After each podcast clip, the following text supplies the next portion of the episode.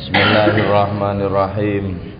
Hamdan wa thana'an laka ya Allah Salatan wa salaman laka ya Habib Allah Wa ala alika wa ashabika ya khair halkillah Laka ya Rasulullah Wa li jami man itaba'adinaka ya Habib Allah Giwatan min ladun adam la yamil qiyamah radiyallahu lana wa lamal fatiha. A'udhu billahi min syaitanir rajim. Bismillahirrahmanirrahim. Alhamdulillahi rabbil alamin. Ar-Rahmanirrahim. Malik yaumiddin إياك نعبد وإياك نستعين اهدنا الصراط المستقيم. صراط الذين أنعمت عليهم غير المغضوب عليهم ولا الضالين آمين. لتقربنا إلى الله تعالى لمحبتنا إلى رسول الله صلى الله عليه وسلم لسلامتنا في الدين والدنيا والآخرة لقضاء ديوننا لقضاء حاجاتنا من هواج الدين والآخرة تيسير أرزاقنا حلالا طيبا مباركا كثيرا وسعنا سودة جسادنا وقلوبنا شمراتنا ظاهر باطنا لدفع البلايا والمان والميتان والأمراض الأسقام لمن فينا لمصالحنا لولدنا أولادنا وذريتنا وجوارنا أصدقائنا جميع المسلمين المسلمات المؤمنين المؤمنات يا منهم الأنبات ولعنز الإسلام والمسلمين بجودك يا الله بشفاعة نبيك يا الله بركة أولياءك يا الله بأسرار الفاتحة. أعوذ بالله من الشيطان الرجيم. بسم الله الرحمن الرحيم. الحمد لله رب العالمين. الرحمن الرحيم. مالك يوم الدين. إياك نعبد وإياك نستعين. اهدنا الصراط المستقيم. صراط الذين عليهم المغضوب عليهم ولا الضالين آمين Hampir keseluruhan dari tema yang dibahas oleh Maulana Rumi di dalam puisi-puisinya itu nada dasarnya adalah cinta. Karena itu di bab-bab pertama, bagian-bagian pertama dalam kitab rubaiyatnya Maulana Rumi ini kita mengaji tentang cinta kepada Allah Ta'ala lewat pintu beliau. Bismillahirrahmanirrahim. Narul ashka adapun api cinta hari ini Tundiju ialah membuat matang. Itu narul ashkina terhadap kita. Kullulai kullalai talatin pada setiap malam Tujizibu mendorong itu api cintana kepada kita ilal kharabat kepada reruntuhan-reruntuhan. Tujlisu mendudukkan itu nabi cintana kepada kita ma'ahalil kharabat berserta orang-orang yang berada di reruntuhan. Likai la ya'rifuna agar tidak mengenal nah kepada kita. Illa ahlul kharabat kecuali siapa orang-orang yang berada di reruntuhan itu Idiom yang pertama itu adalah narul eskih, api cinta. Berarti cinta itu sebenarnya membara. Cinta itu merupakan kekuatan tertinggi rohani manusia. Kalau orang memiliki cinta berarti memiliki kesanggupan tidak saja berjalan kepada Allah tapi punya kesanggupan untuk melesat terbang kepada Allah taala cinta. Nah, cinta itu akan membuat matang rohani setiap orang. Jadi hanya ketika orang punya cinta rohaninya menjadi matang. Apa tanda-tanda rohani itu matang? Yaitu ketika setiap saat di mana pun juga orang sudah bisa menomor satukan Allah dan merasakan Allah itu matang. Jadi kalau yang penting hanya Allah dalam setiap keadaan yang dirasakan oleh kita. Hanya Allah yang dinomor satukan. Selebihnya bisa disebut ada sekaligus tak ada. Itu berarti rohani orang itu matang. Rohani orang itu masih kekanak-kanakan ketika masih memandang ada sesuatu yang lain yang dianggap penting. Ini penting, ini penting, ini penting, ini penting. Allah nomor sekian. Itu kekanak-kanakan. Jadi kematangan rohani kita itu ditandai oleh adanya. Satu-satunya tamu di dalam hati kita yaitu Allah Ta'ala sebagai tamu abadi. Nah menjadi matang seperti itu itu semata-mata karena ada api cinta. Cinta ilahiyat cinta ilahiyat orang mengalami cinta ilahiyat akan senantiasa berbahagia sekaligus bersedih senang sekaligus duka disebut senang karena memang cinta itu memiliki takdir untuk menggembirakan setiap orang disebut sedih ya. karena setiap pecinta itu akan senantiasa merasa haus terhadap penyatuan dengan kekasihnya ketika penyatuan tak kunjung tiba yang ada adalah kesedihan yang menganga jadi kalau orang ingin merasakan senang sekaligus sedih sedikit sekaligus senang itu cinta kalau orang ingin merasakan bahwa Sehat itu sekaligus sakit, sakit sekaligus sehat itu cinta. Kalau orang yang merasakan bahwa obat sekaligus penyakit, penyakit sekaligus obat itu cinta. Karena itu kita mulai penting untuk menggagas bagaimana bisa mengobarkan api cinta dalam hati. Kepatuhan semata-mata tidak cukup. Dulu Maulana Rumi sebelum tergila-gila kepada Allah Ta'ala dengan api cinta Beliau adalah orang yang sangat taat, sangat patuh. Beliau adalah pengajar ilmu tauhid. Pengajar fikih. Patuh punya pondok pesantren. Patuh sekali. Tapi ketika suatu saat dikabarkan oleh Allah taala api cinta dalam hatinya lewat Syekh Samsuddin Tabrizi maka beliau baru merasakan bahwa itulah sesungguhnya energi keberagaman yang sangat dahsyat. Karena itu kata Maulana Rumi di dalam puisi yang lain, jatuh cintalah baru disebut kau mengerjakan sesuatu. Setiap perbuatan tanpa cinta sesungguhnya hanya kelihatannya perbuatan sejatinya tidak. Hanya ketika bernafaskan cinta, suatu perbuatan betul-betul disebut sebagai suatu perbuatan. Bisa paham gak ya? Hah? Paham enggak? Paham. Kalau cinta itu tidak ada pamrihnya loh ya. Orang yang sholat karena cinta enggak mengharapkan sebesar pahala enggak mengharap. Jangankan mengharapkan kesenangan di dunia, kesenangan di akhirat enggak diharap.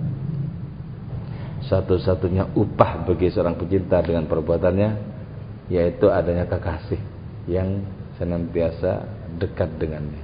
Satu-satunya upah yang diharapkan. Sudah terbebaskan dari pamrih-pamrih apa pun yang lain. Nah, setiap malam cinta itu akan mendorong siapa pun dari kalangan pecinta mendorong ke mana? Mendorong kepada reruntuhan. Reruntuhan apa? Ya, reruntuhan apa? Bukankah alam semesta ini puing-puing sebenarnya? Alam semesta ini jejak. Jejak apa? jejak dari kudrah dan cinta ilahiyah. Dan Allah menciptakan semesta ini dengan nada dasar cinta. Beliau Allah Taala menyatakan, ya, kuntukan zan makhfiyan. Aku ini adalah kekayaan yang tersembunyi. Fa'uhibbu an u'raf. Aku cinta untuk dikenal. Falidzalika khalaqtul alam. Maka karena itu aku menciptakan alam ini menciptakan alam ini. Nah, ini reruntuhan ini. Reruntuhan apa? Reruntuhan kefanaan. Tapi walaupun reruntuhan kefanaan, inilah jejak dari kaki cintanya. Dari kaki cinta ilahiyat itu. Coba kita mengulang kembali ya. Bikin rasa takjub kembali. Dari mana sungguhnya datangnya ruang ini dari mana? Dari oh, di alam semesta sebesar gini maksudnya terus kalau banyak tumbuh-tumbuhan muncul dari bumi muncul dari sebuah tekstur tanah yang sama aneka ragam tumbuhan yang berbeda-beda. Apa bisa tanah campur bumi menjadi pohon jambu? Apa bisa tanah dicampur air gitu ya menjadi pohon mangga? Bisa gitu. Apa bisa tanah itu campur air jadi kucing?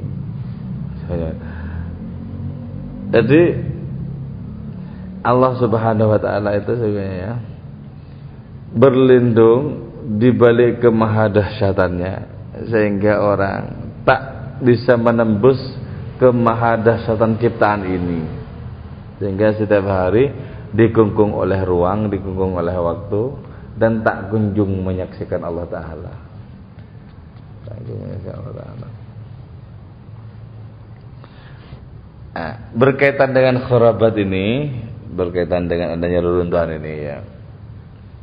Di dalam kitab Burdah Imam Muhammad Busiri juga menyatakan tapi dengan bahasa Arab dengan idiom yang berbeda. Itu laulal hawa lam turiq dam'an ala talalin. Andaikan tidak kena cinta, kau tidak mungkin menumpahkan air mata di atas reruntuhan rumah si dia si reruntuhan reruntuhan Jadi, dari alam yang non empirik diambrukkan oleh Allah bruk. Menjadi seperti yang sekarang ini loh. Walaupun Allah juga menggunakan sejumlah kronologi menggunakan proses. Allah yang maha dahsyat yang menciptakan apa saja bisa dalam sekejap mata itu ternyata menciptakan langit dan bumi mesti dalam enam masa fi sittati ayyamin tsumma stawa ala apa maksudnya? Wong Allah taala kun fayakun bisa kok. Kok pakai enam masa segala. Padahal di waktu itu apa yang disebut ayam disebut waktu itu belum ada waktu itu sebenarnya. Kenapa kok menggunakan ayam belum waktu. Wong waktu itu ada karena ada ruang kok. Andaikan tidak ada benda waktu tidak akan pernah ada. Dari mana datang, datangnya waktu? Dari adanya benda-benda bergerak. Sehingga bisa diukur. Nah, lamanya seberapa ya kan? Berkaitan dengan lamanya kalau waktu kayak lamanya seberapa? Kan itu. Lamanya seberapa? Kenapa kok menggunakan istilah ayam? Kenapa kok sampai enam hari? Bukan sekejap juga bisa? Itu sesungguhnya menunjuk kepada kepada satu manusia itu sesungguhnya diciptakan oleh Allah Ta'ala untuk menempuh sejumlah proses tidak bisa bim salabim jadi Allah ngajari pertama kali dengan sejumlah proses itu. terus yang kedua Allah menciptakan langit bumi dalam enam masa itu. Itu sebenarnya enam itu angka enam. Menunjuk kepada dimensi horizontal manusia. Yaitu kanan kiri atas eh, depan belakang atas bawah. Sehingga dengan demikian manusia berada di bumi ini dalam posisi tidak asing. Tidak asing. Tapi kalau jeli menyaksikan, ya, kalau jeli menyaksikan, ya ini reruntuhan ini sesungguhnya. Karena itu kharabat. Para pecinta tidak tergila-gila dengan reruntuhan alam semesta ini ya. Tidak tergila-gila dengan Para pencinta itu senantiasa mengerlingkan mata terhadap Allah Maha Kekasih yang senantiasa menyertai seluruh partikel di antara segala reruntuhan ini. Jadi ini setiap partikel itu jejak Allah sebenarnya, jejak-jejaknya Allah Taala. Coba kalau musim hujan ya kita musim hujan habis hujan mungkin di jalan kampung di mana kita bisa menyaksikan tapak-tapak bekas-bekas dari kaki anjing atau musang atau apa saja. Nah, semesta ini jejaknya Gusti Allah loh sebenarnya. Jejaknya Gusti Allah. Termasuk kita ini jejaknya Gusti Allah sebenarnya. Bahkan kita ini adalah adalu dalilin Allah. Kita ini merupakan bukti yang paling tegas yang menunjuk kepada Allah sebenarnya. Karena itu Siapa saja bisa membaca partikel sampai tuntas pasti sampai kepada Allah. Siapa saja bisa membaca diri sampai tuntas sampai kepada Allah Taala. Pasti.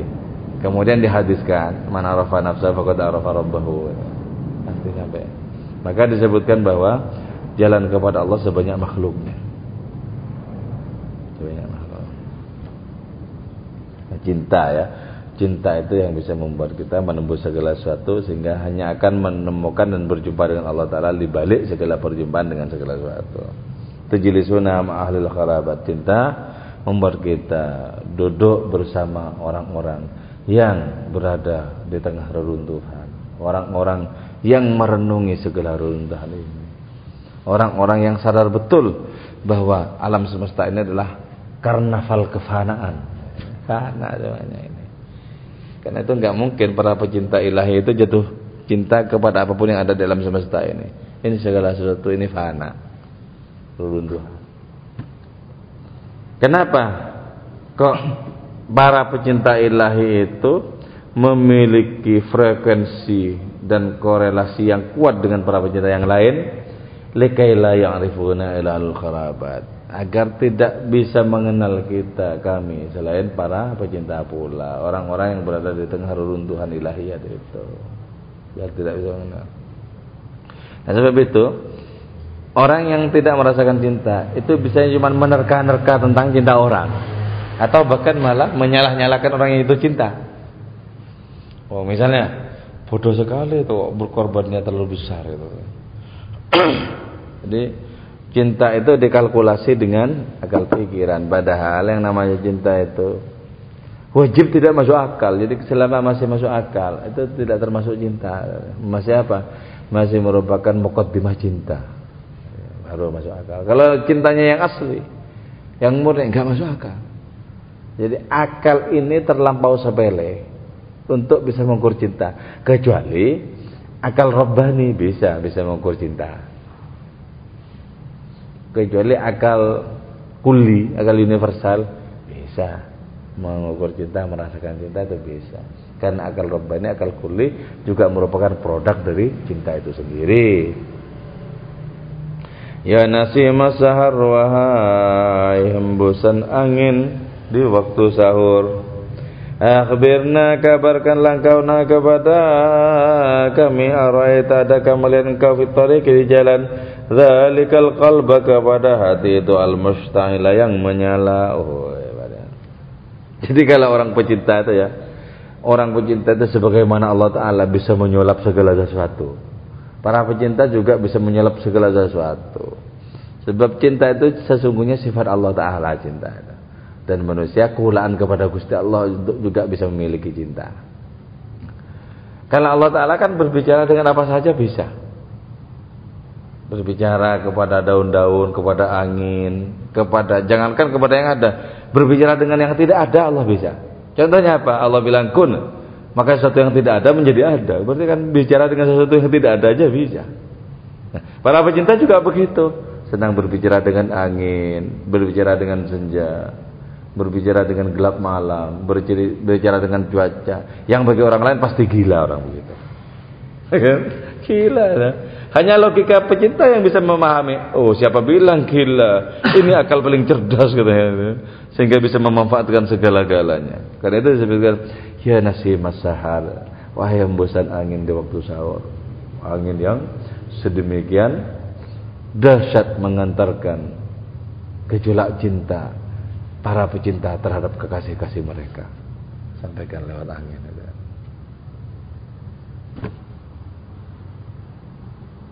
Wahai hembusan angin malam, kabarkan kepada kami, adakah engkau melihat di jalan itu sebuah hati yang menyala, sebuah hati yang terbakar, gitu ya. Simbolnya seorang yang jatuh cinta itu hatinya terbakar hanya terbakar. Nah, kalau orang kok tentram hidupnya, tidak pernah tergeletik, bagaimana bisa berjumpa Allah, bagaimana bisa memahami Allah Ta'ala, berarti masih jauh dari kehangatan dan kobaran cintanya. Masih.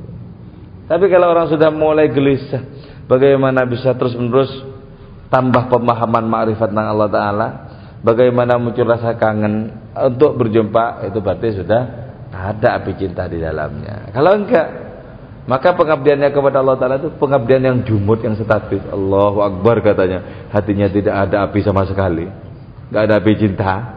Betapa memalukan sholat yang seperti itu kan. Walaupun bacaannya fasih. Bismillahirrahmanirrahim. Kosong hatinya. Ditertawakan oleh para malaikat, para nabi, para wali. Kenapa? Enggak ada api asmara dalam batinnya kepada Allah Ta'ala. Hanya orang-orang yang itu cinta kepada Allah Ta'ala Mereka lah orang-orang yang dewasa di hadapannya Wahai angin malam Kabarkan kepada kami Adakah engkau melihat di jalan itu Hati yang menyala karena cinta? Ya kalau di dalam burdanya membusiri Fama li'ainaika in takfu fahamata Ada apa dengan kedua matamu? Walaupun kau berusaha untuk menahannya Tumpah jua air mata itu. Jadi seorang pecinta enggak bisa Menyembunyikan diri enggak bisa Ditahan, jangan nangis katanya Didobrak oleh cintanya sendiri Nangis dia Atas nama apa?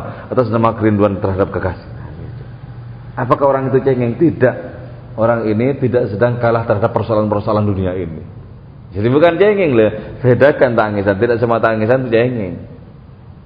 Kalau orang menghadapi masalah nangis, cengeng. Itu yang perlu ditertawakan. Menghadapi masalah laki-laki kok nangis. Nah, itu Tapi kalau misalnya jatuh cinta kok tidak nangis, berarti hatinya bebal itu. Jatuh cinta kok nggak nangis. Kan itu jadi. Karena itu kalau tak Maulana Rumi nanti di bait-bait yang lain di hadapan Allah Taala Sang Maha Kekasih katanya. Jadilah engkau seperti kanak-kanak yang gampang menangis. Jadi enak. Kalau di hadapan persoalan dunia kita berkecap apa? Memang kok aku bisa dikalahkan apa? Ini. Kalau di hadapan persoalan-persoalan dunia Jangan gampang nangis. Tapi di hadapan Allah Ta'ala ketika bercinta Jadilah seperti anak-anak kecil Dan tanpa malu Air mata itu ditumpahkan juga Wa ma liqalbika in qulta Ada apa dengan hatimu? Walaupun kau berusaha untuk meredamnya, berkobar jua iya. Cinta. Oh, nikmat nyembah Allah nikmat banget. Ya. Ara'aita qalban malian binar malian bil ishq ara'aita adakah melihat engkau kalban kepada hati malian yang penuh binar dengan api malian penuh bil ishq dengan cinta wahai angin malam Adakah kau saksikan hati yang penuh dengan api dan penuh dengan cinta?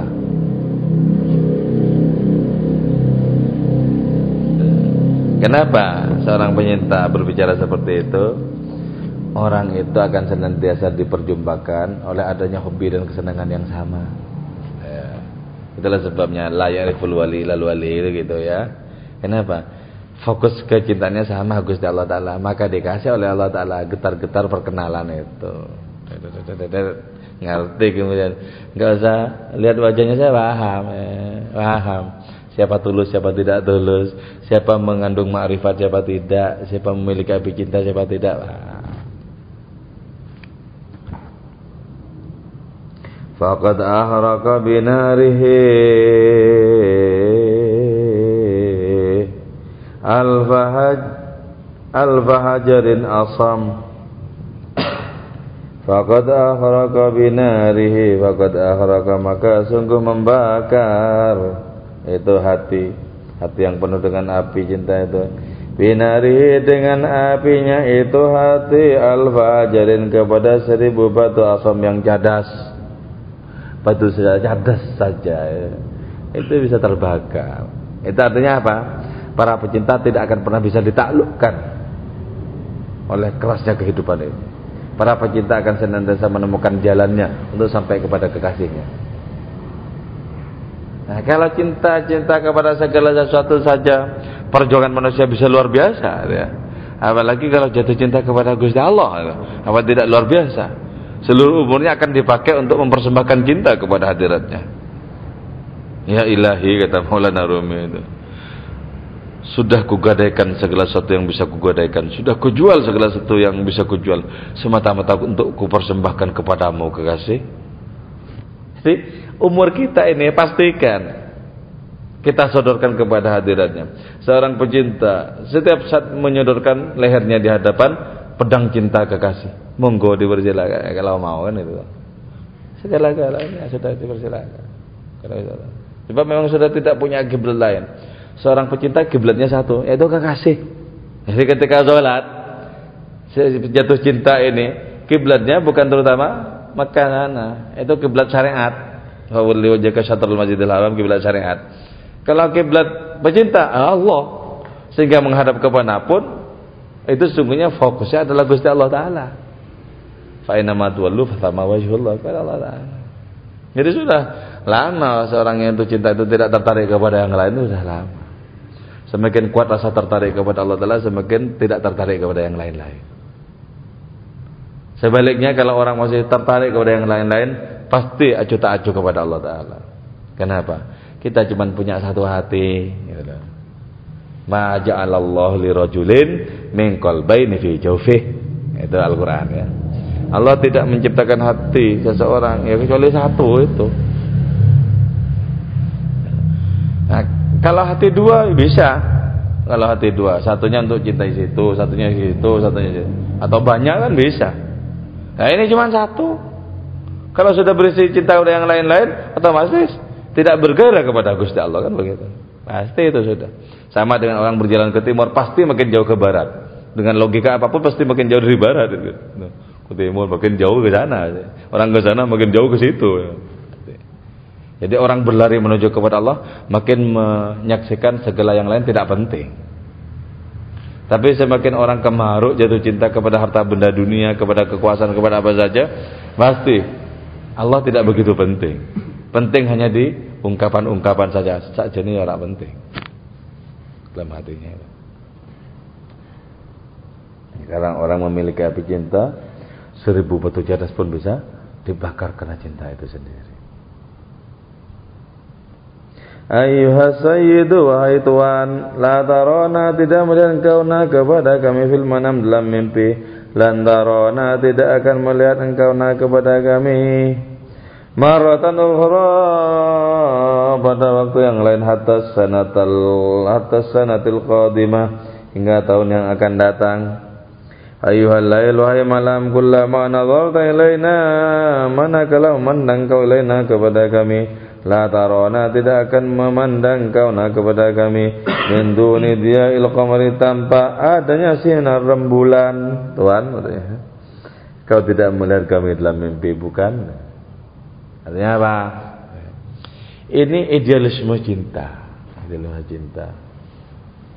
Ketika cinta itu belum kepergok, ketika cinta kepada Allah belum dimiliki, cinta itu kan mengatakan, engkau mungkin dituangkan di dunia ini, engkau mungkin diagungkan, engkau mungkin punya pangkat, tapi engkau tidak akan menyaksikan aku, tidak akan menyaksikan aku.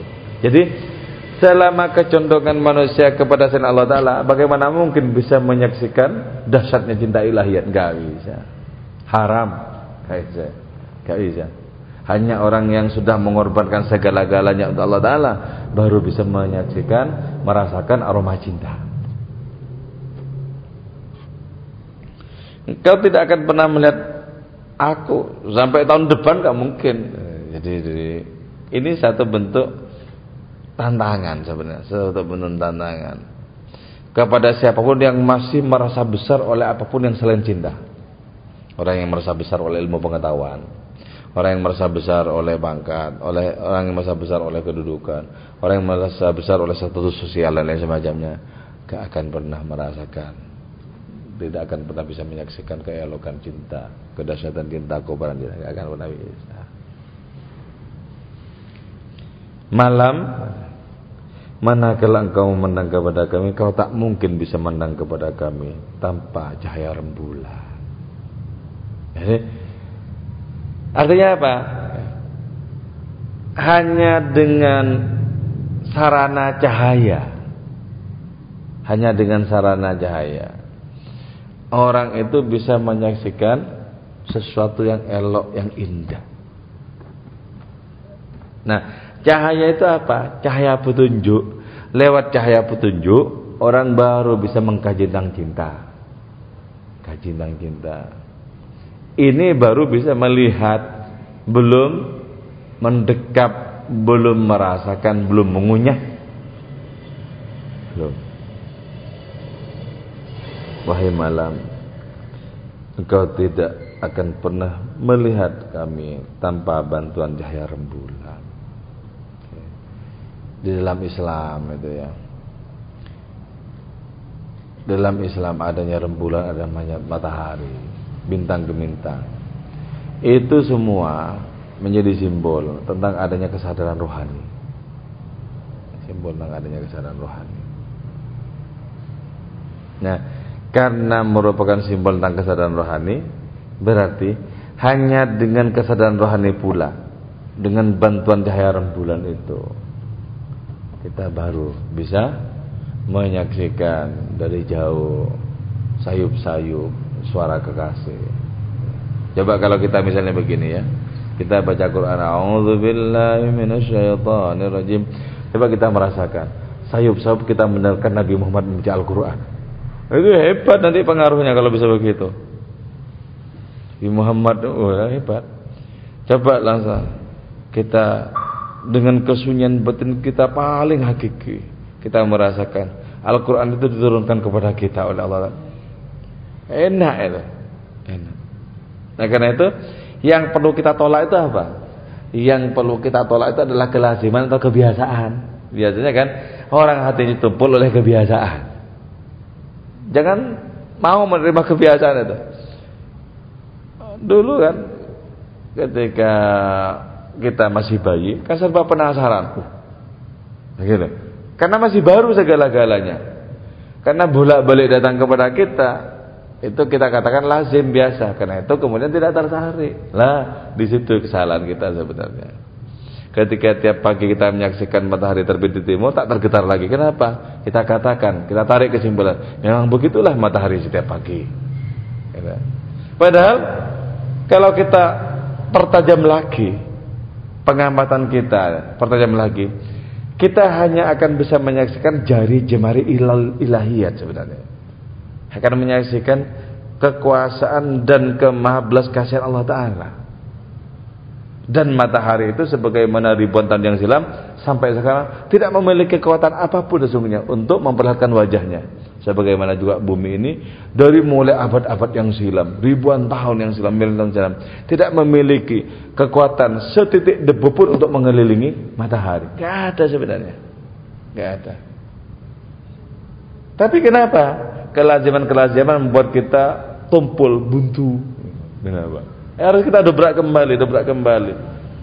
Ya Allah sampai hari ini sampai detik ini aku tetap terngungun-ngungun di hadapanmu dari mana datangnya ruang ini? Dari mana datangnya ruang? Aku juga sampai detik ini terngungun-ngungun terhadap kemurahanmu. Bagaimana mungkin aku yang semula tidak ada, yang tidak ada satupun sebutan untuk diriku sekarang menjadi nyata. Jadi Hal ata 'alal insani hinum min ad-dahri lam yakun syai'an madhkura. Hebat ya. Hal ata 'alal insani hinun minad dahri. Apakah pernah datang kepada manusia sebuah masa ketika manusia belum disebut apa-apa waktu itu karena memang tidak ada. Nah, dulu kita ini nggak ada sebutannya. Sebab sebutan itu untuk sesuatu yang ada. Nah, kita belum ada. Nah, belum ada waktu itu. Kita tidak ada sebutnya. Oleh Allah Taala dimunculkan menjadi begini ini. Apa tidak hebat? Kita sebagai sebuah jalan kepada Allah Ta'ala. Sebagaimana juga apa tidak hebat Allah Ta'ala yang mengeluarkan kita dari dari tambang ketiadaan itu. Apa enggak hebat? Hebat. Cuman karena sudah lihat oh ya ini A B C O oh ya enggak ya gitu aja. Ya sudah tamat ya. Tumpul dikikis oleh hari demi hari. Waktu demi waktu berjalan dan akal menjadi semakin tumpul terkikis terkikis kita munculkan kembali. Jalan kembali Andaikan rasa haru kita, rasa penasaran kita bisa kita pertahankan setiap saat kita akan merasakan tergetar di hadapan Allah Ta'ala. Kalau bisa kita pertahankan lah. Nah karena itu para sufi itu ya, itu senantiasa mengalami kesadaran-kesadaran rohani yang baru. Karena itu segar, para sufi itu segar. Mengalami hal-hal yang baru. Mungkin yang dikerjakan sama, tapi rasanya baru, udah lain. Isya sama empat rakaat. Tapi Isya yang tadi sudah beda dengan kemarin. Gitu Ada nuansa baru. Ada nuansa baru. Ada hal-hal yang menarik yang baru. Enak. Baru aja. Kan berarti metabolisme rohaninya itu kan sehat. Diolah terus. Baru terus. Baru terus.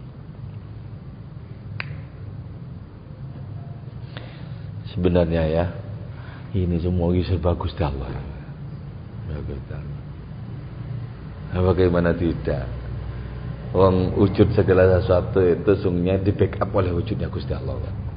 Andaikan ditarik backup wujud Gusti Allah kembalilah kepada ketiadaan lagi. Bagaimana mungkin kok tidak berjumpa setiap saat?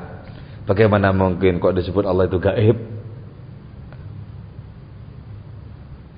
Tetapi begitu ya, dahsyatnya Allah itu begitu.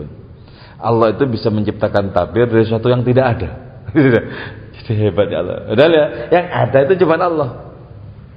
Karena Allah, sabda Nabi. Karena ada Allah siapa Allah. Wala syai'a ma'hu dan tidak ada sesuatu pun yang bersama Allah.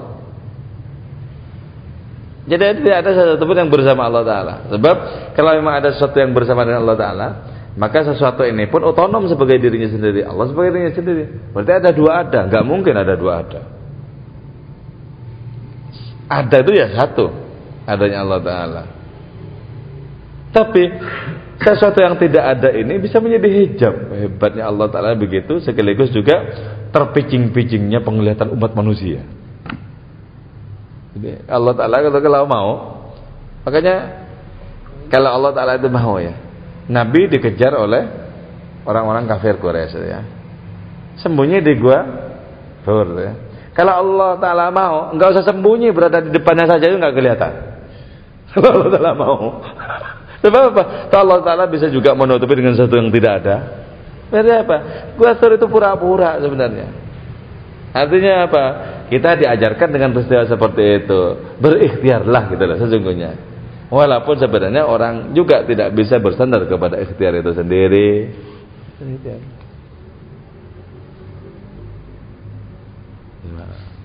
Dan karena itu sesungguhnya seluruh penjelasan tentang hukum kausalitas bisa gugur di sini. Sini kausalitas juga tipuan loh. Api menyebabkan air panas.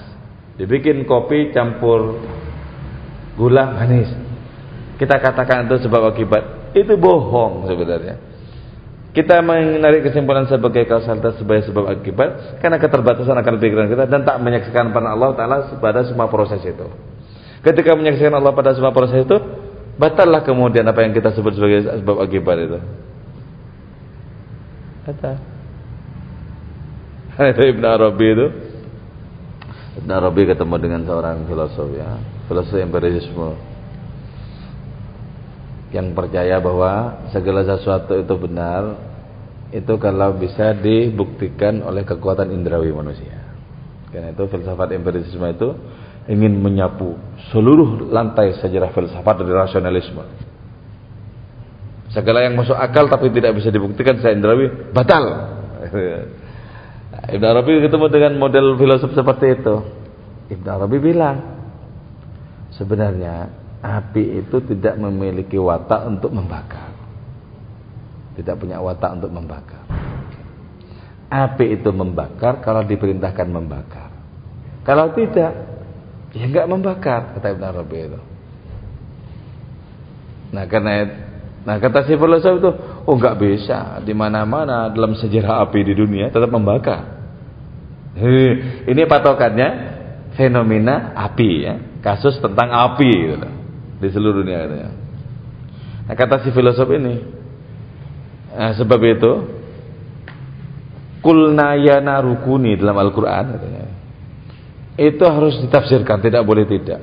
Jadi yang dipadamkan, yang diperintahkan untuk menjadi bardan dingin sejuk itu, wassalamualaikum Ibrahim, itu bukan api yang api yang lahir itu bukan, itu maksudnya Nabi Ibrahim disuruh meredakan emosinya. Jadi bukan api yang beneran itu. Kalau api beneran ya pasti kebakar siapa pun. Nabi atau siapa pasti kebakar. Mari kita jangan memperpanjang perdebatan kata Ibn Arabi. Kita langsung menuju tungku perapian. untuk untuk membuktikan katanya. Karena filosof dari aliran empirisme itu membutuhkan bukti sebenarnya. Terus datang ke toko perapian, ada sebara segini dipegang oleh Ibn Arabi Zaid. Iya? Enggak apa-apa. Takjub luar biasa filosof ini. Takjub luar biasa. Coba monggo dipersilakan kata Ibn Arabi. Ketika dia kasih filosof, oh, wow, kebakar tangannya. nah, Ibn Arabi menjelaskan, ketika aku pegang tidak ada perintah Allah Taala untuk membakar tangan saya. Ketika kau pegang muncul perintahnya bakar itu katanya kan. kau mungkin tidak mendengarkan firman-Nya untuk membuka tanganmu tadi. Jadi jangan karena itu ya, jangan percaya bahwa kerja mengalahkan uang jangan percaya. Walaupun kita diperintahkan untuk kerja.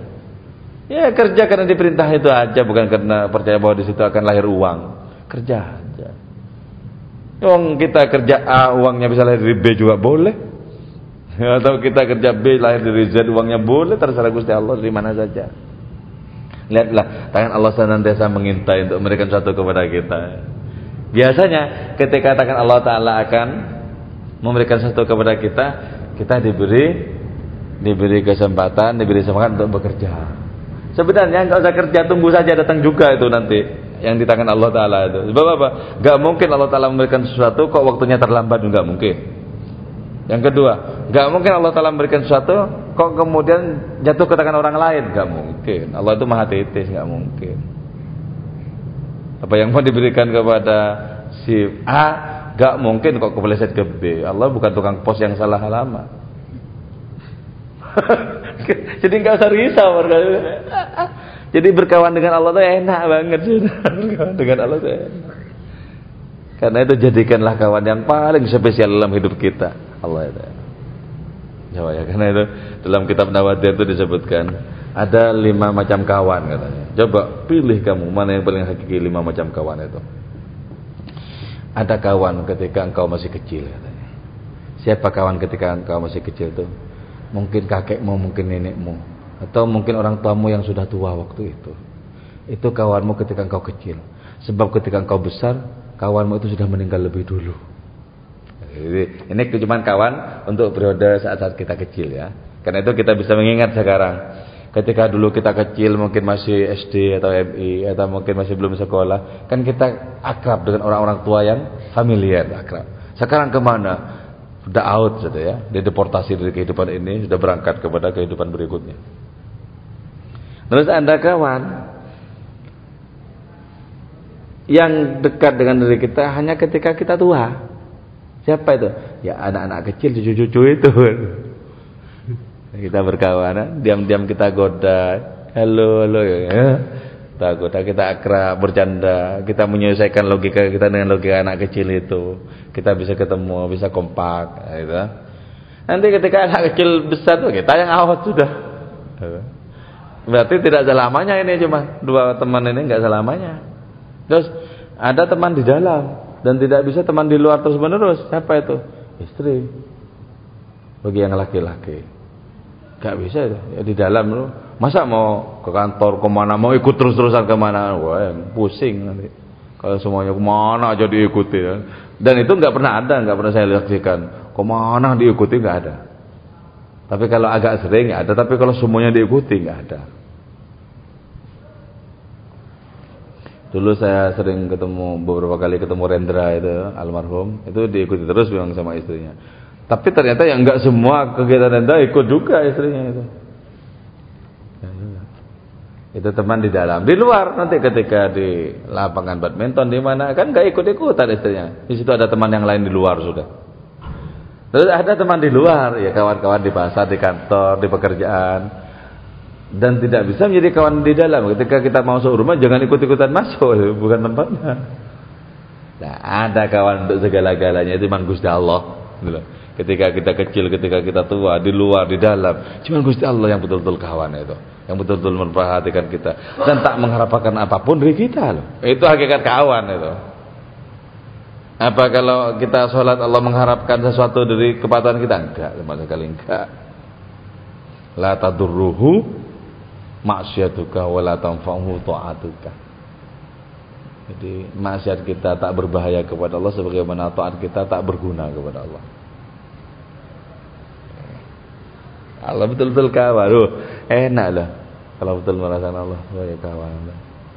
Makanya nanti kalau kita membaca takbirul mana bahasa mimpi itu ada orang bermimpi Allah itu ada enak banget orang bermimpi Allah. Kalau yang sering dipahami orang kan orang bermimpi Nabi Muhammad. Orang bermimpi Allah Ta'ala bisa loh. Oh, hebat, senang. Jadi kalau orang mau ditarik kepada tingkat kewalian oleh Allah Ta'ala biasanya dijumpai, diakrabi.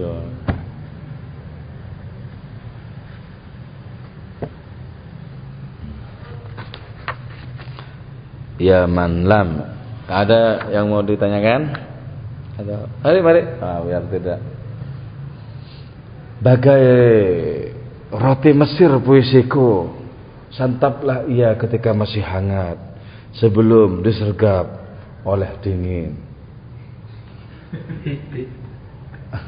Itu puisinya Maulana Rumi juga ya.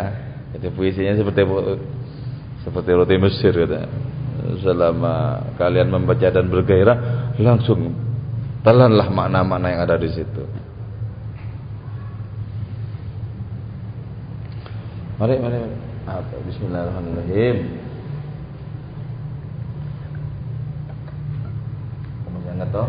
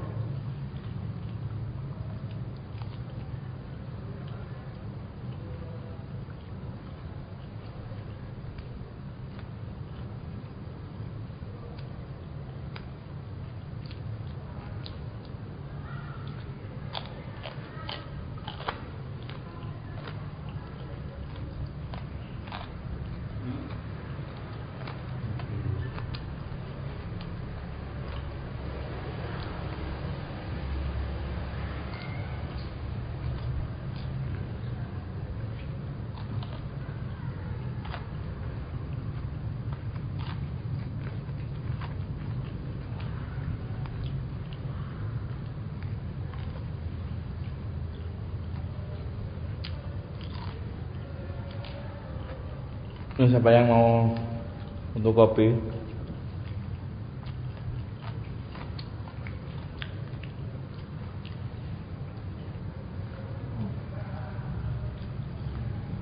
Terus di itu nanti di tempat fotokopiannya itu itu sisain masternya ya biar lawan langsung.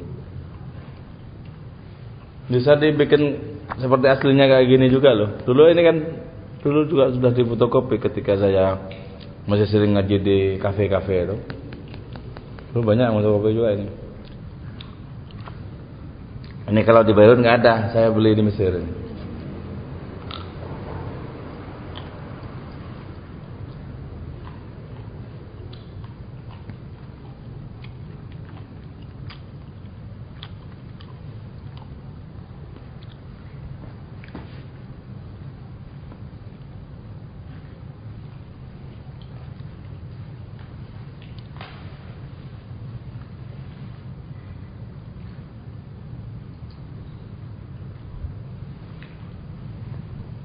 Ketika Allah ngasihkan goreng pisang ini sama kita ya lewat tangan siapa? Itu sesungguhnya atas nama cinta. Entah kita melahapnya atas nama cinta atau bukan.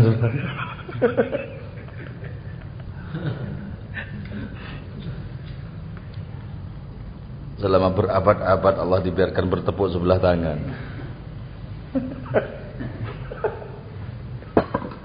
Kalau kita makan atas nama nafsu mungkin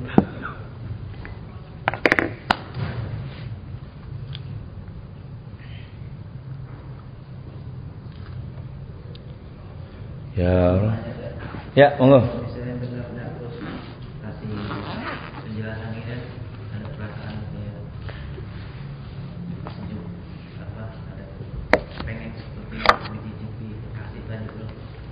Ya.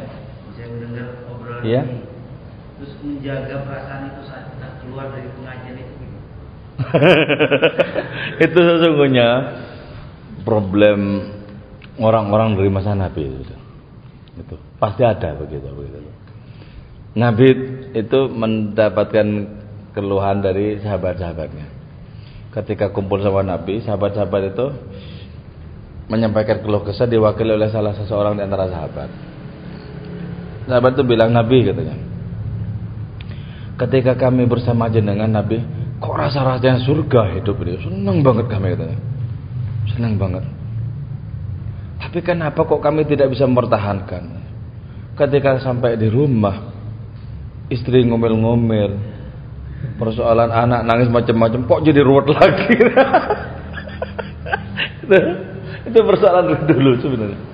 Nah, gini, ini tidak bisa instan seperti plak membalik telapak tangan. Kalau apa yang didapatkan misalnya di forum kayak gini, di majelis kayak gini senang semuanya, terus bisa senang, wah itu nanti sangat mudah berjabat tangan dengan malaikat itu.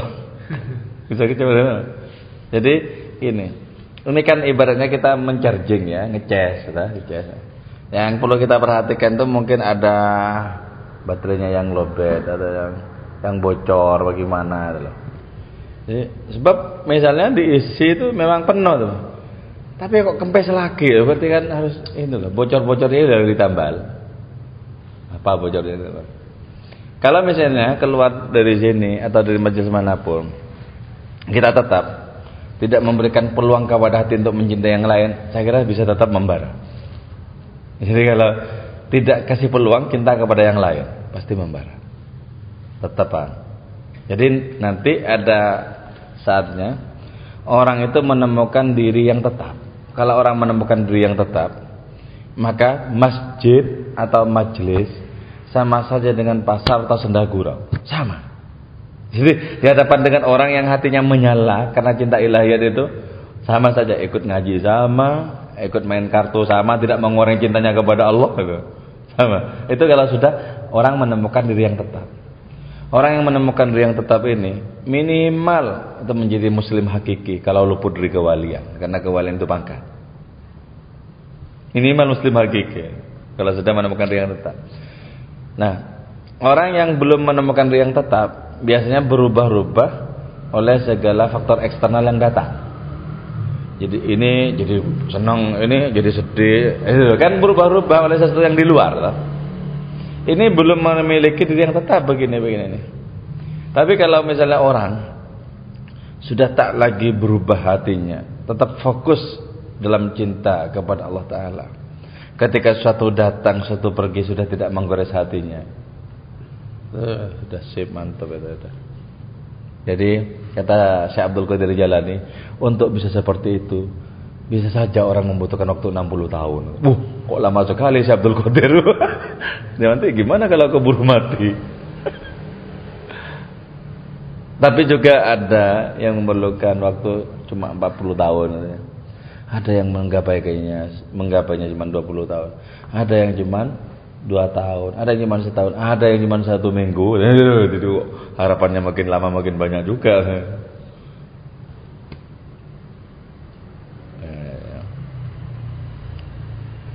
Nah, itu banyak tersenyum dong. Hmm, gimana coba? Cara nyembah Allah itu gimana?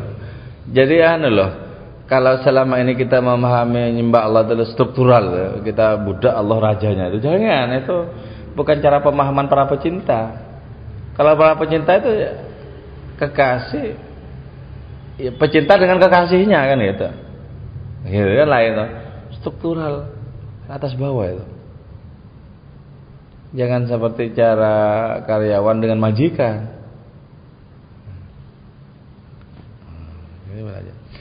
Kalau sudah betul-betul direbut hati oleh perhatian, direbut hati oleh konsentrasi kepada Allah Taala, tetap bisa salat itu cinta.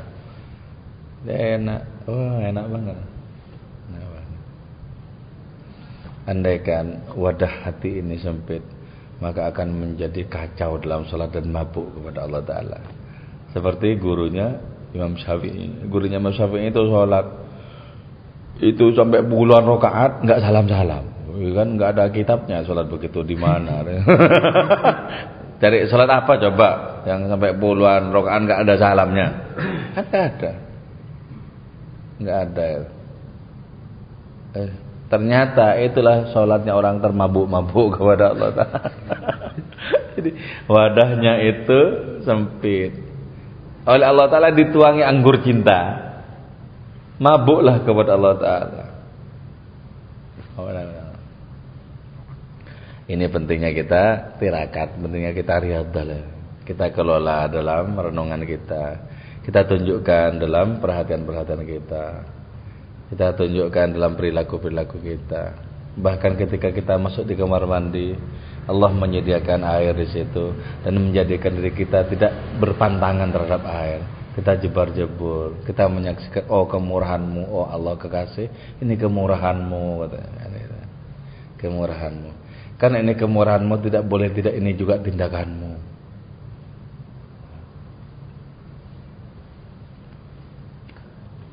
Jadi aktivitasnya sama antara pecinta dan bukan pecinta nilainya yang berbeda. Kalau seorang pecinta minum, ya, dari mana dia minum? Dari tangan kemurahan Allah Taala. Kalau bukan seorang pecinta, orang yang patuh saja. Dari mana? Dari gelas cuman baca Allah mabarik lana. Beda lah. Gimana Allah mabarik lana? Padahal Allah mabarik lana yang dibaca dengan hati yang kosong, tetap saja mengundang setan untuk datang.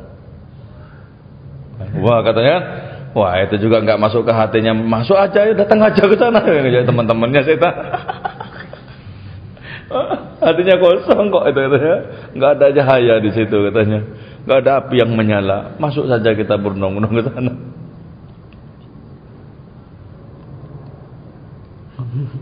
Goreng pisang ini akan berbahagia dimakan oleh pecinta Allah Ta'ala. Senang. Kenapa? Sebentar lagi aku akan menjadi energi yang dahsyat luar biasa. Energi cinta seorang yang takwa. Eh, senang. Karena itu makanlah aku lagi, ya kan? Orang lain kan nggak paham ini minta dimakan sebenarnya.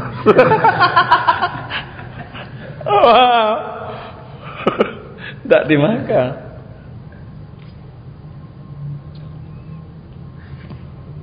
Ang ibu-ibu merebus buncis di dapur. Ya. Direbus. Ibu-ibu ini merebus untuk santri-santri, untuk Pak Kiai, untuk orang-orang yang jatuh cinta kepada takwa. Sebenarnya buncis itu bilang, nyonya-nyonya katanya, pukullah aku dengan irusmu, matangkanlah aku, masaklah aku nyonya. Sebentar lagi aku akan menjadi kekuatan bagi orang-orang yang menyembah Allah Ta'ala. Pukul aku nyonya nanti derajatku akan naik karena itu.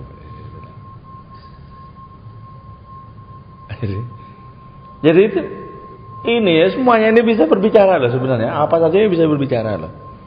Cuman dengan telinga seperti apa kita bisa mendengarkannya kan itu. Itu sugesti. Hah? Diri sendiri itu.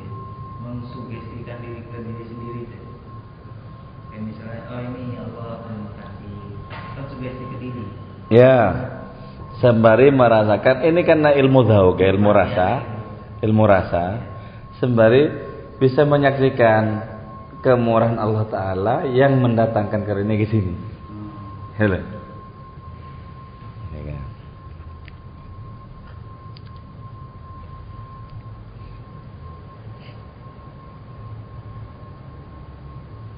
Karena itu Nabi kita sudah menunjukkan masalah itu sebenarnya. Nabi kita itu berbicara loh dengan daun-daun, dengan batu-batu, berbicara. Nah, itu kalau tidak mendengarkan emang edan. Gak mungkin. Nabi kita berdialog dengan penyakit. Jadi, karena itu ya kalau orang bisa berdialog dengan penyakit itu mudah. Ada orang sakit, toh. sudah dibawa ke medis ke mana nggak sembuh-sembuh.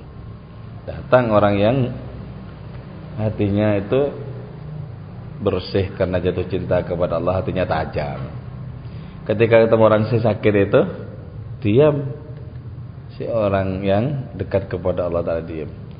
Terus dia bertanya secara batin kepada penyakit yang ada di dalam itu.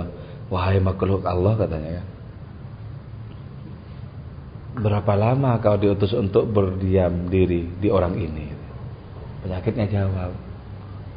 Dua bulan. Nah terus kau di sini sudah berapa lama? Satu setengah bulan. Nah, kan sudah tahu, tinggal setengah bulan lagi.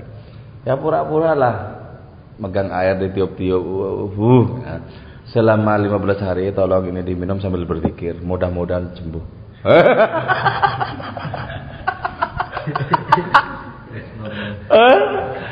Setelah 15 hari sembuh ternyata. Nah, terus orang yang sakit tuh heran, "Duh, kok bisa tahu ya? Dia tidak menyaksikan orang ini berdialog dengan penyakit sebelumnya.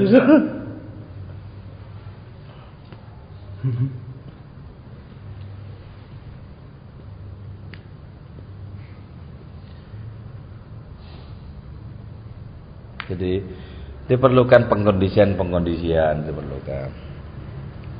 Mungkin majelis-majelis, mungkin renungan-renungan, mungkin bacaan-bacaan. Tapi yang paling ampuh di antara segala-galanya itu adalah dekat kepada orang yang sudah dekat dengan Allah. Itu paling ampuh itu.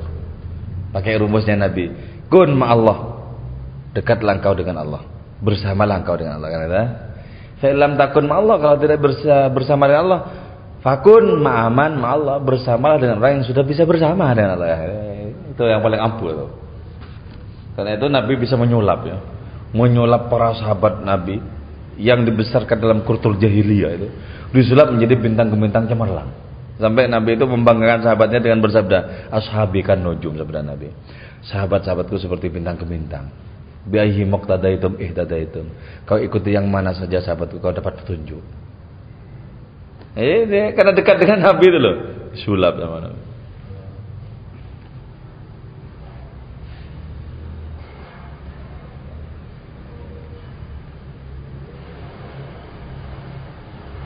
Coba kalau misalnya caranya begini, si pedagang gorengan ini misalnya, eh dagang, kan? Kok dagang gimana? Pengen punya keuntungan? Bukan. Saya mau menyihir orang-orang yang makan gorengan pisang ini. Menyihir gimana? Tak doa, tak sholawati, tak mana gitu. Semoga hatinya menjadi sadar karena makan gorengan. Jadi beda dengan hanya jual gorengan dengan mengharapkan profit. Keuntungan itu beda.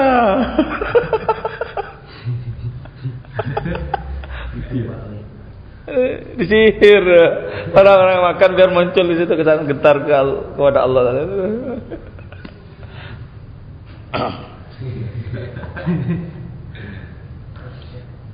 Kalau semata-mata mengeruk keuntungan wah orang makanannya jadi birahi malah. Bersahabat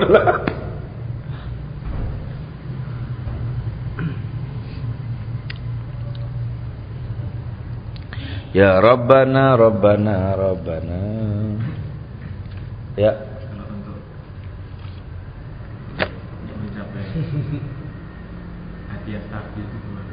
Nikah dulu.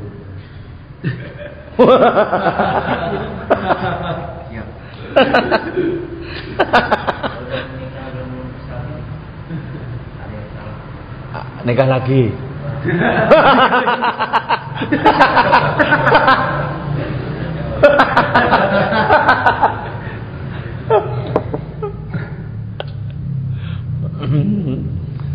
Ada jaminan dari Nabi ya. Man tazawwaja faqad ahraza syatra dinihi falyatakillah bi syatril akhar. Orang yang sudah menikah separuh agamanya sempurna. Maka selesaikanlah separuhnya yang berikutnya itu untuk disempurnakan. Eh, bertakwalah untuk bisa menyempurnakan yang separuhnya lagi. Kan enak.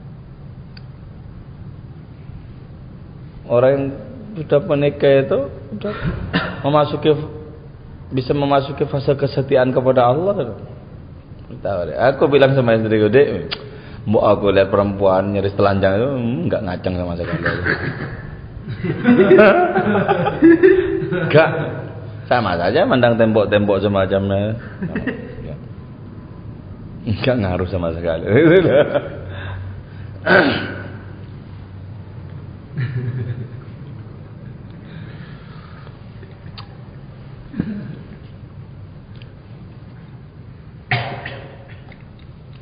Ada ya di Jawa Timur tuh di Bondowoso ada namanya almarhum Kiai Husnan.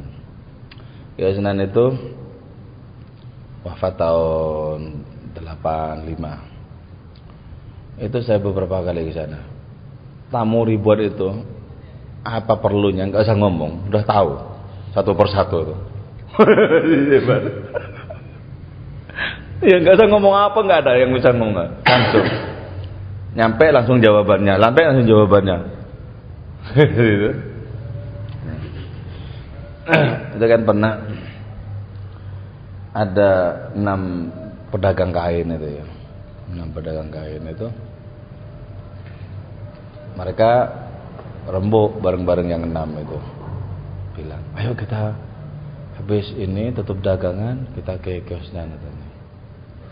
Ini kan kita udah siang lapar biasanya kalau di situ dikasih makan setiap tamu dikasih makan tapi nanti kalau udah pas makan itu gak usah lama-lama ya. Oke siap. Sepakat berangkat nyampe di situ dong teng teng teng teng nasi keluar. Keluar. Jadi untuk nasi biar keluar tuh pakai eh, itu kan lonceng. Teng teng nasi keluar keluar. Masih makan. Selesai makan yang enam tuh, pulang. Pulang.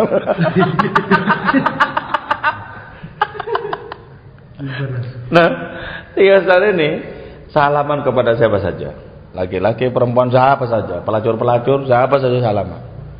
Nah, ada seorang kiai yang berpegang teguh dengan syariat eh, fikih sentris ya. Haram katanya. Haram.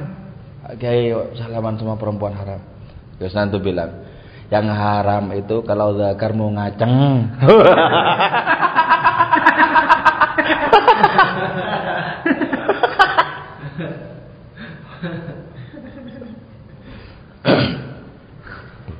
Kalau kayak gitu haram, nggak mungkin ngerti hatinya orang kan.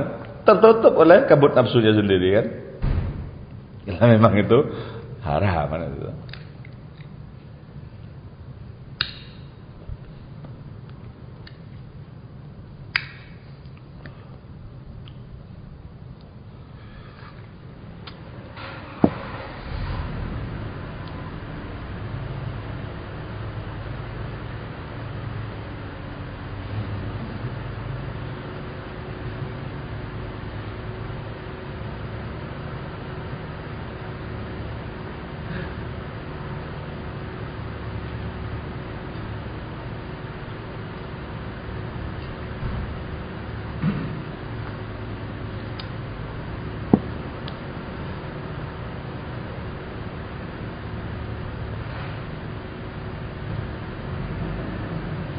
Kalau yang tarjuman ada ya? Ada nggak? Kalau mau ngopi punya aku juga bisa. Yang mau mengembangkan bahasa Arab gitu. Ya, ya. Gimana ya caranya menghilangkan lagu-lagu lagu ya kayak dalam buku dalam sholat. Biasanya kan kalau pernah sih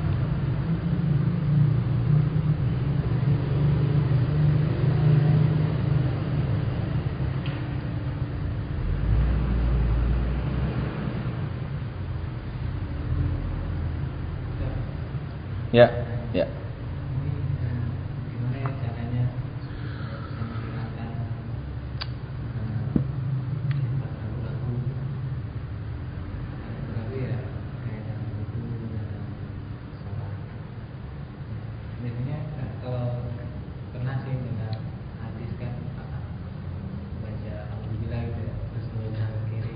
Hmm. Kadang Nasi ya. si Malah mulu udah ganti sananya.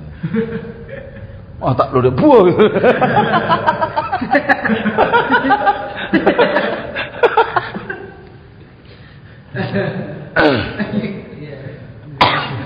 Ganggu gitu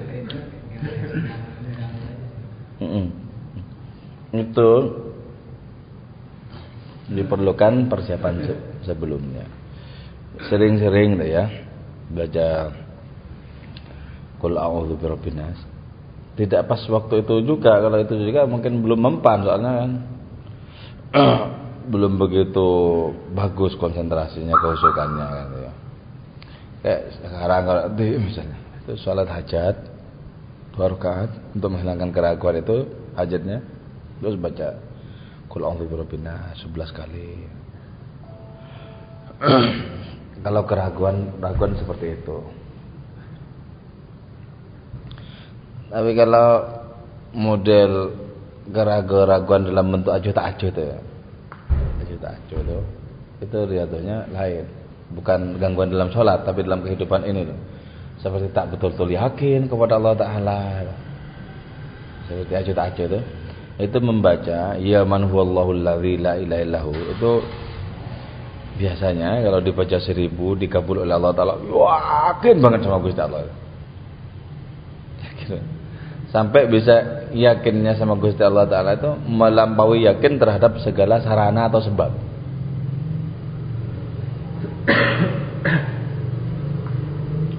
Jadi kalau yang tadi pertanyaannya itu wujud kesungguhannya untuk menghilangkan keraguan-keraguan seperti itu ya tadi. Sholat sholat hajat hajatnya menghilangkan keraguan terus baca anas itu. Terus usahanya kita lain apa belajar melawan misalnya lagu enggak jadi harus bilang enggak dulu walaupun jangan dengan lisan kalau mau sholat oh, enggak oh.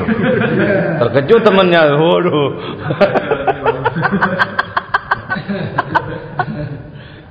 Bisa diisyaratkan dengan ini. Diisyaratkan dengan gerakan kepala. Jadi maksudnya tolak ya, mau dilakukan fokus lagi kepada Allah itu loh. Tolak. Sebab kalau kita biarkan itu semakin menjadi-jadi kayak gitu tuh.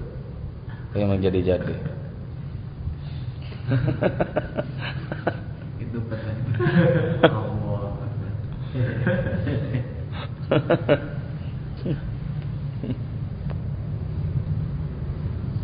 Tolak.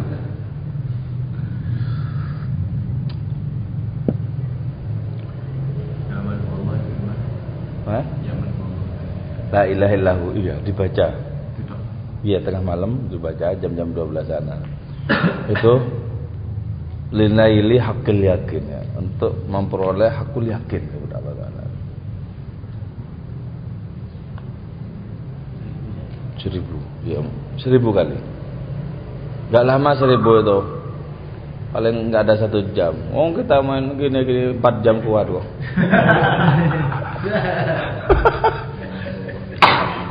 Tak gitu kok jadi lebih berat.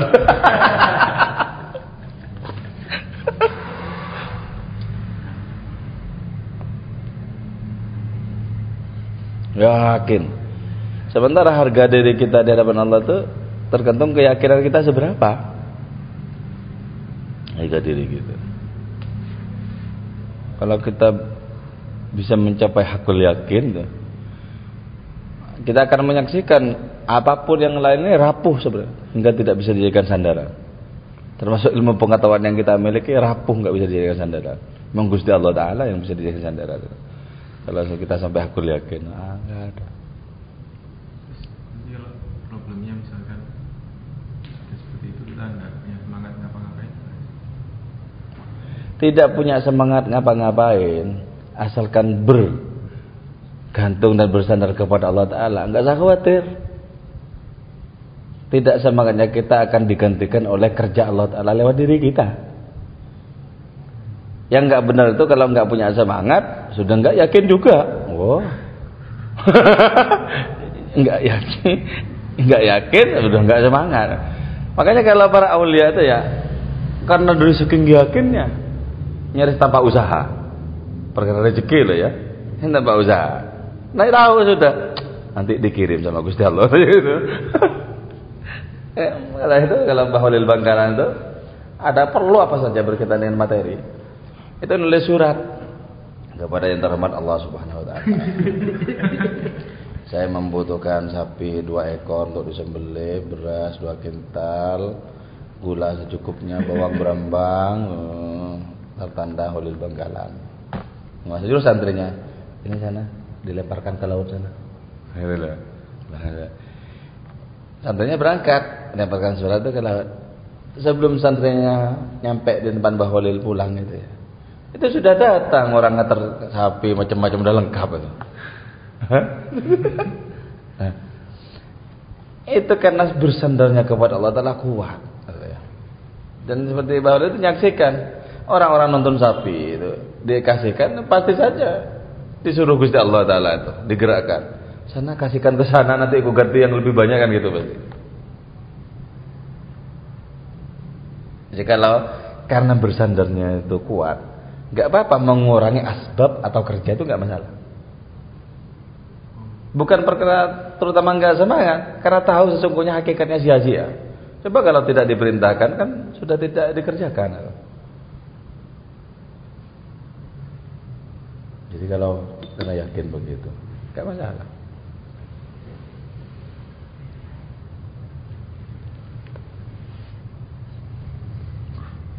Maka penting keyakinan hakul yakin. Kalau di hikam itu dibahas ilmu yakin dengan bagus sekali saya kira. Ainul yakin, hakul yakin. Apa? Itu pertaruhan kita. Karena itu ya dulu sahabat-sahabat berbincang-bincang tentang mukjizatnya Nabi Isa yang hebat. Gimana kok tanah dipegang jadi burung gitu. Wujudnya burung apa coba ya? Kata kitab Hayatul Hayawan. Ternyata kelelawar itu loh. Jadi kelelawar itu sebelum Nabi Isa nggak ada. Sebelum Nabi Isa megang lempung tanah. Jadi kelelawar itu. Hebat. Mujizat Nabi Isa hebat kata para sahabat itu. Ketika ada nelayan-nelayan mau tenggelam di pas gelombang, nelayan-nelayan berteriak, ya Allah tolong, Ternyata Nabi Isa itu bisa berlari di atas gelombang. Jadi yang dipanggil Allah yang datang Nabi Isa. Kenapa? Karena Allah Ta'ala itu mengutus Isa sebagai wakilnya untuk memberikan pertolongan. Hebat. Waktu itu terus Nabi datang ngomong apa ini gitu ya. Bicara anu Nabi apa? Mujizatnya Nabi Allah Isa yang hebat. Hebatnya gimana? Bisa berjalan di atas air. Terus Nabi bersabda, kalau saudaraku Isa itu lebih yakin lagi, dia tidak saja berjalan atas air, tapi terbang. Empat bulan dari Nabi bersabda, Isra Mi'raj langsung. Uh, ke mana Isra Mi'raj itu? Nggak ada orang tahu ke mana itu. Keluar di segala ruang itu. Yakin. Orang yang tidur saja kerjanya, tapi yakin akan dikirim rezeki oleh Allah Taala. Ketika tidur pintunya ditutup orang, tek tek tek tek. Ini ada makanan. Siapa yang menggerakkan orang-orang itu sebenarnya kan? Kita Gusti Allah. Karena itu para sufi itu sepakat tarokul iktisab kata mereka iktifaan bimusabbibil asbab aku udah nggak kerja kata para sufi itu. Karena sudah menganggap cukup bersandar kepada Allah pencipta segala sebab. Bukankah pekerjaan-pekerjaan juga sebab dan Allah itu yang menciptakan ngisi lowongan gitu kan? Ya ya Allah semuanya yang ngasih lowongan di dunia ini. Kamu kerja apa kamu kerja apa kamu kerja apa. Kemampuannya dari Allah Taala lowongannya juga dari Allah Taala. Jangan dikira bos-bos itu ngasih apa-apa itu enggak.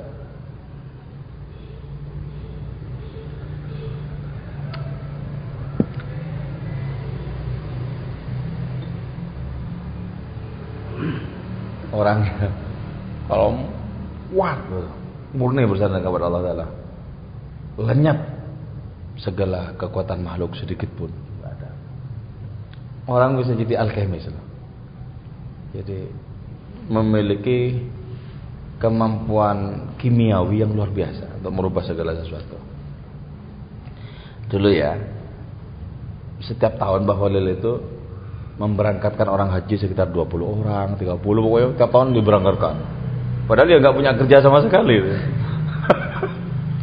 Akhirnya dicurigai oleh polisinya Belanda. Karena waktu itu tahun-tahun 20-an, tahun belasan kan masih Belanda polisi datang ke sana itu karena mencurigai bikin uang palsu curiga polisi-polisi itu datang ke sana apa benar Pak Gai memberangkatkan orang-orang orang haji iya katanya dari mana Pak Gai dapat uang apa Pak Gai bikin uang palsu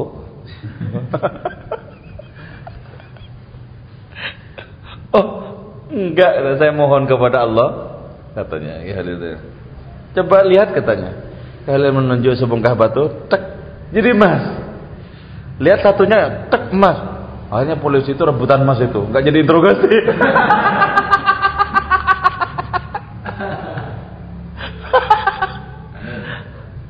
Justru ketika dalam hatinya sudah tidak ada lagi kecintaan kepada sebutir emas pun. Nah ini udah lenyap loh. Nah kalau masih cinta nggak mungkin bisa. Makanya kalau orang masih membeda-bedakan, orang merasa dimuliakan dengan emas dan merasa dihinakan dengan kerikil, maka Allah tidak bersamamu kata Syekh Fardin Jadi kalau masih ini ini lebih besar, jadi dalam hatinya itu masih ini lebih besar, ini lebih kecil, nggak bisa berkawan dengan Allah Taala. Masih ada besar kecil di kalangan makhluk. Orang bisa berkawan dengan Allah Taala kalau segala-galanya sudah sudah dianggap tidak ada sepele sekali minimal. Allah yang agung satu-satunya baru bisa bersahabat dengan Allah Taala. Gampang tau Pak? Gampang kan?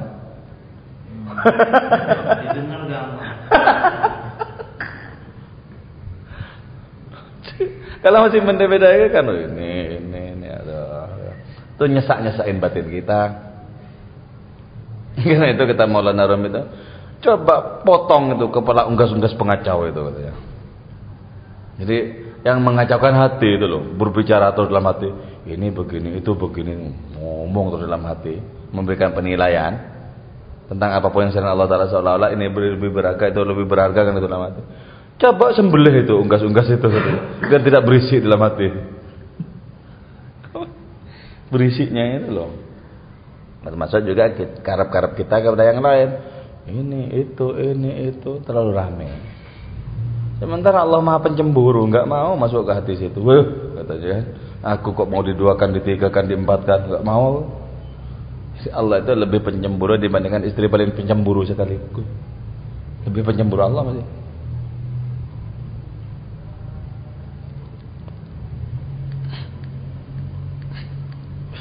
saya punya teman gay muda, seusia saya lebih muda. Waktu dulu zamannya sering dibicarakan dan diekspos di koran-koran media-media masalah poligami itu loh sekitar tahun berapa lupa terus si kiai ini si teman saya itu kedatangan santrinya. Nah, santrinya setelah dikasih kopi apa ngomong-ngomong terus bilang Gus jenengan buatan poligami Gus? Diam kan? Si teman saya diam tapi dari balik jendela istrinya.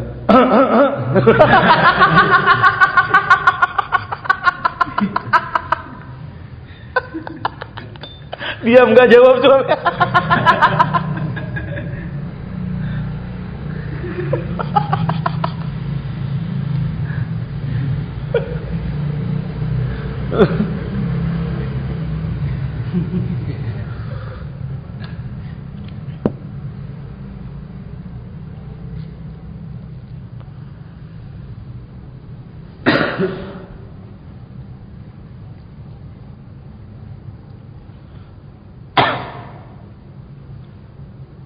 Diusahakan ya. Ini loh. Ini kan halal loh ya halal halal halal biar menjadi energi keilahian diusahakan bukan semata-mata karena cocok dengan selera kita tapi makanlah minumlah semata-mata untuk menambah energi sembah sujud kita kepadanya kan sebenarnya kan sama. Makanan orang alim dengan makanan penjahat kan sama. Tapi yang satu jadi perilaku luhur, satunya malah bubrah itu. Kan makanannya sama goreng pisang kan. Berbeda. Kalau dalam Masnawi itu disebutkan bambu sebenarnya sama. Makannya dengan tebu katanya. Sama-sama memiliki buku. Ruas-ruas itu loh. Yang satunya itu nggak ada rasanya, bahkan bisa melukai mulut siapa saja. Yang satunya manis itu. Padahal minumnya sama di situ juga.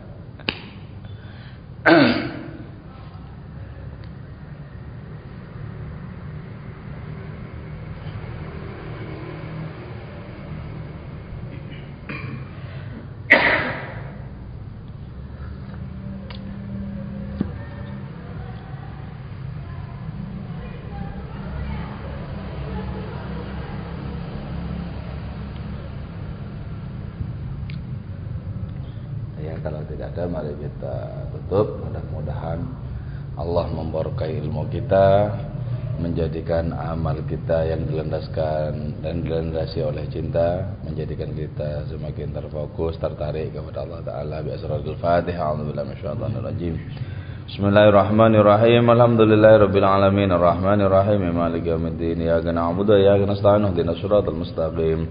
Siratal ladzina an'amta 'alaihim ghairil maghdubi 'alaihim waladdallin. Amin. Amin. Amin. Amin. Amin. Alhamdulillahirabbil alamin